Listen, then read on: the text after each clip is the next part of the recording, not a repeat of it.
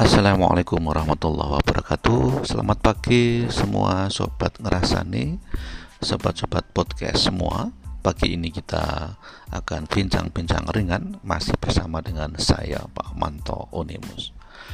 Teman-teman eh, sobat ngerasani semua Kali ini uh, pembicaraan kita akan uh, mengarah pada kematangan personal mari kita coba uh, lihat sebentar beberapa kasus kejadian contoh ya. Banyak di antara teman-teman kita yang ketika masa studi, masa sekolah, masa kuliahnya meraih prestasi akademik yang luar biasa. Namun uh, ketika sudah menjadi lulusan dan menjadi alumni dan bekerja, ternyata tidak semua ya mereka teman-teman kita yang punya prestasi akademik yang sangat luar biasa itu juga uh, apa memiliki karir yang cukup bagus ya dalam pekerjaannya.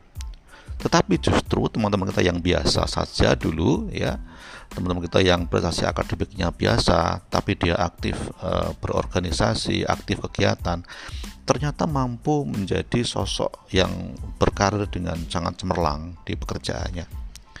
Ya, ini pelajaran teman-teman semua bahwa memang uh, intelektual akademik itu tidak akan menjamin kesuksesan seorang uh, manusia untuk meraih prestasi terbaik ya. Jadi kita dalam kehidupan ini selain memang dibutuhkan kecerdasan dalam apa uh, memahami suatu hal sesuai dengan bidang apa bidang kita ya, bidang keilmuan kita ya. Tetapi ketika kita sudah mulai bekerja, kita dihadapkan pada banyak hal yang dibutuhkan. Bukan sekedar kecerdasan IQ saja ya, bukan sekedar kecerdasan akademik saja, tetapi kita dituntut bisa menjadi seorang manajer.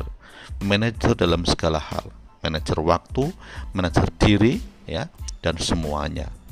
Itulah sebabnya banyak teman-teman yang hanya mengandalkan uh, keilmiahan semata ketika masuk dunia kerja akan menjadi tumpul.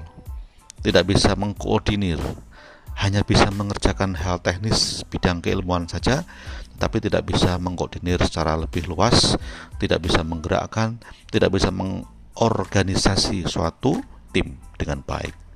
Nah itulah sebabnya teman-teman jangan lupa selalu tingkatkan soft skill ya diri kalian agar nanti saat berkarir memang bisa menunjukkan dirinya pantas menduduki posisi di situ. Baik teman-teman itu uh, diskusi kita kali ini ya sedikit ringan-ringan saja dan selamat beraktivitas masih dengan Pak Manto Onimus. Terima kasih. Assalamualaikum warahmatullahi wabarakatuh.